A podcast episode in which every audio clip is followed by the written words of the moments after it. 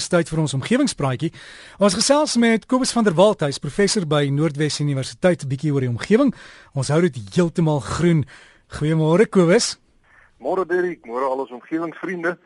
Ja nee, Potchefstroom lewe vanoggend. Hier is groot skoolsport aan die gang en is ook ons universiteit se oop dag. So dis altyd vir ons lekker om ons nuwe voornemende ouers en eerstejaars hier te verwelkom. En as jy nou nog op pad is hierheen, ry asseblief versigtig. Maar nou ja, Ek wil graag gesels oor iets wat deur drie van ons omgewingsvriende die afgelope week onder my aandag gebring is. En dit is meneer Kobus Bekes van Sanin, meneer Hein van der Walt van Kofesa en ook my pa, Sakkie van der Walt van Parys. En dit gaan oor 'n nuwe soort battery wat onlangs deur die Suid-Afrikaansgebore Elon Musk se Tesla maatskappy in Amerika bekend gestel is. Nou Elon Musk is 'n baie besondere mens want hy is die brein agter 'n hele klomp innoverende goed en dis reuse maatskappye soos byvoorbeeld die Tesla elektriese motor en ook die SpaceX vuurpyle wat tans die goedkoopste wyse is om satelliete te lanseer. En hierdie entrepreneur het nog 'n gaping in die mark raak gesien en dit is 'n nuwe soort battery waarmee mens baie effektief energie kan stoor. Nou die probleem is iets waarmee ons natuurlik lankal sukkel want bestaande batterye is baie duur, hulle is groot, hulle is swaar en hulle hou nie baie lank nie. Maar net 'n paar dae gelede het Elon Musk 'n nuwe soort batterytegnologie aan die wêreld bekend gestel wat eintlik verstommend is. Hy noem sy battery die Tesla Powerwall. En die hele ding is net 15 cm dik, soos 'n klein liniaaltjie, 1,2 meter hoog en 90 cm wyd. En die omhulsel lyk soos 'n pragtige kunswerk. En mens kry hom in verskillende kleure, so jy sal nou nie meer jou batterye wil wegsteek waar mense dit nie kan sien nie, maar jy sal hom eerder teen jou sitkamermuur wil monteer. Dis regtig 'n pragtige ding. Nou hierdie battery lewer genoeg elektrisiteit om saans gedurende piektye en al die behoeftes van 'n tipiese huis te voorsien.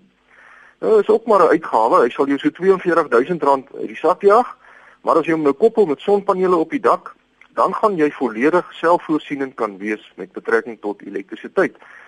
Tesla waarborg die battery vir 10 jaar lank en die goed word vervaardig in die wêreld se grootste batteryfabriek wat saam met die Japannese maatskappy Panasonic in Nevada in Amerika gebou is ten bedrag van 60 miljard rand. Elon Musk doen dinge op groot skaal. Nou hierdie Powerwall batterye is ongelukkig reeds tot middel 2016 uitverkoop. Maar as dit nou eendag hier by ons in Suid-Afrika sy opwagting maak, dan sal mense eintlik baie kortsigtig wees as jy enige nuwe huis gaan bou wat nie met 'n songeyser, sonpanele op die dak en 'n Tesla Powerwall battery teen jou sitkamermuur toegerus is nie. By die bekendstelling van die nuwe battery het Elon Musk 'n baie waar ding gesê. En dit is dat daar bokant ons in die lug 'n gratis, perfek funksionerende reuse kernfusie reaktor is. Maar in plaas daarvan dat ons ons navorsing daarop toespits om hierdie gratis energiebron optimaal te gebruik, spandeer die mensdom miljarde rande om self ons eie kernfusie reaktor hier op aarde te probeer bou of om vuil besoedelende kragstasies te bou. Hierdie gratis kernreaktor se naam is die son. En as mens mooi oor Elon se woorde dink, dan is die mensdom eintlik dom dat ons enigstens geld en tyd mors om ander energiebronne te probeer ontwikkel as dit wat die son reeds gratis vir ons gee. En natuurlik praat ons nou nie net van sonpanele of songeisers nie, maar ook van bio-energiebronne, winde, seestrome en die hele hidrologiese siklus, met ander woorde hidrokrag. En dit alles word deur die son se energie aangedryf. Met ander woorde, ons praat van groen energiebronne. Nou wat my beïndruk van Elon Musk is dat hy nie net groot dink nie, maar ook groot doen want daar's nog 'n ander reuse maatskappy in Amerika wat hy die Solar City noem. En hierdie maatskappy installeer sonpanele op huise se dakke op groot skaal, maar die huiseienaars koop nie die panele nie, nee, hulle huur dit nou net by Solar City teen 'n prys wat minder is as wat hulle sou betaal het om elektrisiteit by die munisipaliteit aan te koop. En die oormaat elektrisiteit wat die sonpanele dan opwek, word dan terugverkoop aan die uh kragnetwerk en Elon Musk steek natuurlik die geld in sy sak. En hierdie model is besig om 'n reuse sukses te behaal in Amerika. Trouwens in 'n ander berig wat meneer Bekes van Sonien ook van my gestuur het, word gemeen dat hierdie nuwe paradigma van elektrisiteitsopwekking dieselfde implikasies vir groot kragvoorsieningsmaatskappye soos Eskom gaan hê as wat die internet vir die poskantoor gehad het of as wat selfone vir Telkom gehad het. Die poskantoor 'n poskantoor bestaan steeds en mense kry nou nog steeds landlyne, Maar sedert die internet ontwikkel het, skryf die meeste mense nie meer briewe nie en die hoeveelheid pos het drasties afgeneem. En sedert selfone algemeen beskikbaar geword het, is daar baie huishoudings wat glad nie eens meer 'n Telkom landlyn besit nie. So die berig maan dat die besluitnemers wat die rigting vir Suid-Afrika se elektrisiteitstoekoms moet aandui, deeglik kennis sal moet neem van al die nuwe verwikkelinge op die gebied van mikrokragnetwerke wat moontlik gemaak word deur uitvindings soos Elon Musk se Powerwall battery. Ons regering en Eskom sal regtig baie meer aandag aan sonkrag en windkrag en mikrokragnetwerke moet gee. Anders gaan die hele reuse maatskappy en ons politieke leiers en regering heel moontlik oor 'n paar jaar soos 'n klomp derde wêreld pompoenkoppe sit met reuse steenkoolkragstasies en baie duur Russiese kernreaktors wat niemand meer nodig gaan hê nie. Omgewingsvriende sal onthou dat ek verlede week gesels het oor 'n brief van meneer Arius Wantenaar oor platinummyne wat op soortgelyke wyse begin om oorskot opgebergde energie deur middel van waterstofselle te gebruik. En meneer Paul George van die Omnia groep het vir my meer inligting hieroor gestuur. Dan dit blyk nou dat Impala Platinum binnekort 'n 1,8 megawatt brandstofstel kragstasie gaan bou by hulle veredelingsaanleg in Springs. En die waterstof wat gebruik gaan word in die sel is 'n neeweproduk van die veredelingsproses self.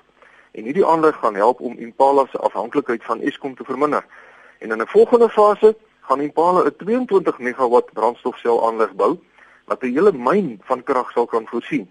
En Anglo Platinum, die wêreld se grootste verskaffer van platinum, is tans besig om 'n brandstofsel kragstasie te toets wat 'n hele dorp van krag sal kan voorsien. Nou hierdie is alles opwindende verwikkelinge, maar as ek by Eskom gewerk het, het ek regop gesit en my oë was groot, want Eskom gaan dalk baie vinniger en baie meer drasties geraak word as wat enige iemand dink. En dit is natuurlik baie goeie nuus vanuit 'n omgewingsperspektief. Omgewingsvriende, nog goeie nuus, maar vanuit 'n hele heeltemal 'n ander perspektief, is dat dit nou onwettig is om met enige kind onder 3 jaar oud in 'n motor te ry as die kind nie in 'n baba stoeltjie vasgegordel is nie. Nou ek sien heeltemal te veel ouers wat in motors ry met kleuters wat tussen die twee voorste sitplekke staan of in die motors rondspeel sonder dat hulle veiligheidsgordels aan het. En die ironie is dat die ouers gewoonlik self hul veiligheidsgordels aan het. Nou dit is vir my duidelik dat sulke ouers regtig nie verstaan wat aan die gang is nie. Kom ons maak gou 'n paar sommetjies.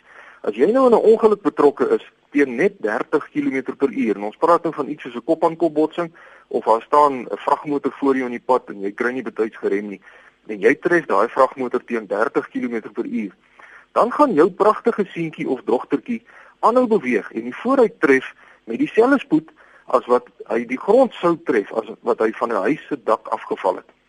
As daai ongeluk teen 60 km/h gebeur, dan gaan dit vir jou kindjie wees asof hy van 'n vier verdieping gebou afval. En teen 120 km/h gaan jou kindjie die vooruit tref met dieselfde spoed as wat hy die grond sou tref as wat hy van 'n 12 verdieping hoë gebou afgeval het. Die risiko neem eksponensieel toe met die spoed van die motor en die meeste ouers het nie die vaagste benul van die gevaar waaraan hulle hulle kinders blootstel as hulle nie die kindjies vasgordel nie. Selfs as jy net vinnig moet rem of skielik moet uitswaai, dan stel jy jou kind aan 'n uh, onaanvaarbare risiko bloot. So ouers, ek sê weer, teen 60 km/h, as jou kind nie vas is nie, dan gaan hy die vooruit tref asof hy van 'n vier verdieping gebou afval. So jy kan nie landswette oortree, maar jy kan nie die wette van fisika oortree nie. En as jy dan dis enigins omgee vir jou pragtige seentjie of dogtertjie, gorrel daai kind vas as jy ry.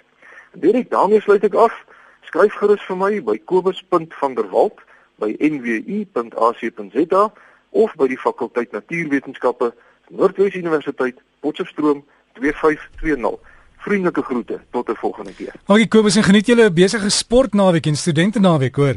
Baie dankie Derek, dis altyd lekker man, dis die Potchefstroom lewe hier. Gaan jy self deur werk toe? Uh ek gaan maar daar rond staan, maar ek het nou nie so 'n uh, spesifieke funksie vandag nie, Derek. Ek hou myself maar skaars, jy weet, ja, eintlik die dag vir die vir die vir die groot kop vir wat Ons moet jou uh, template maak. Ons moet jou template maak, 'n TM wat sê ek is die professor van RSG. Nee, nee, dankie. nee, nee, dis dis nou glad nie ek daai nie. Kobus geniet dit hoor. Dankie Derek, lekker naweek vir jou en al ons omgewing. Selfde dankie Kobus. So gesels met Kobus van der Walt, sy e-posadres is kobus met 'n K kobus.vanderwalt by nwu.ac.za kobus.vanderwalt by nwu.ac.za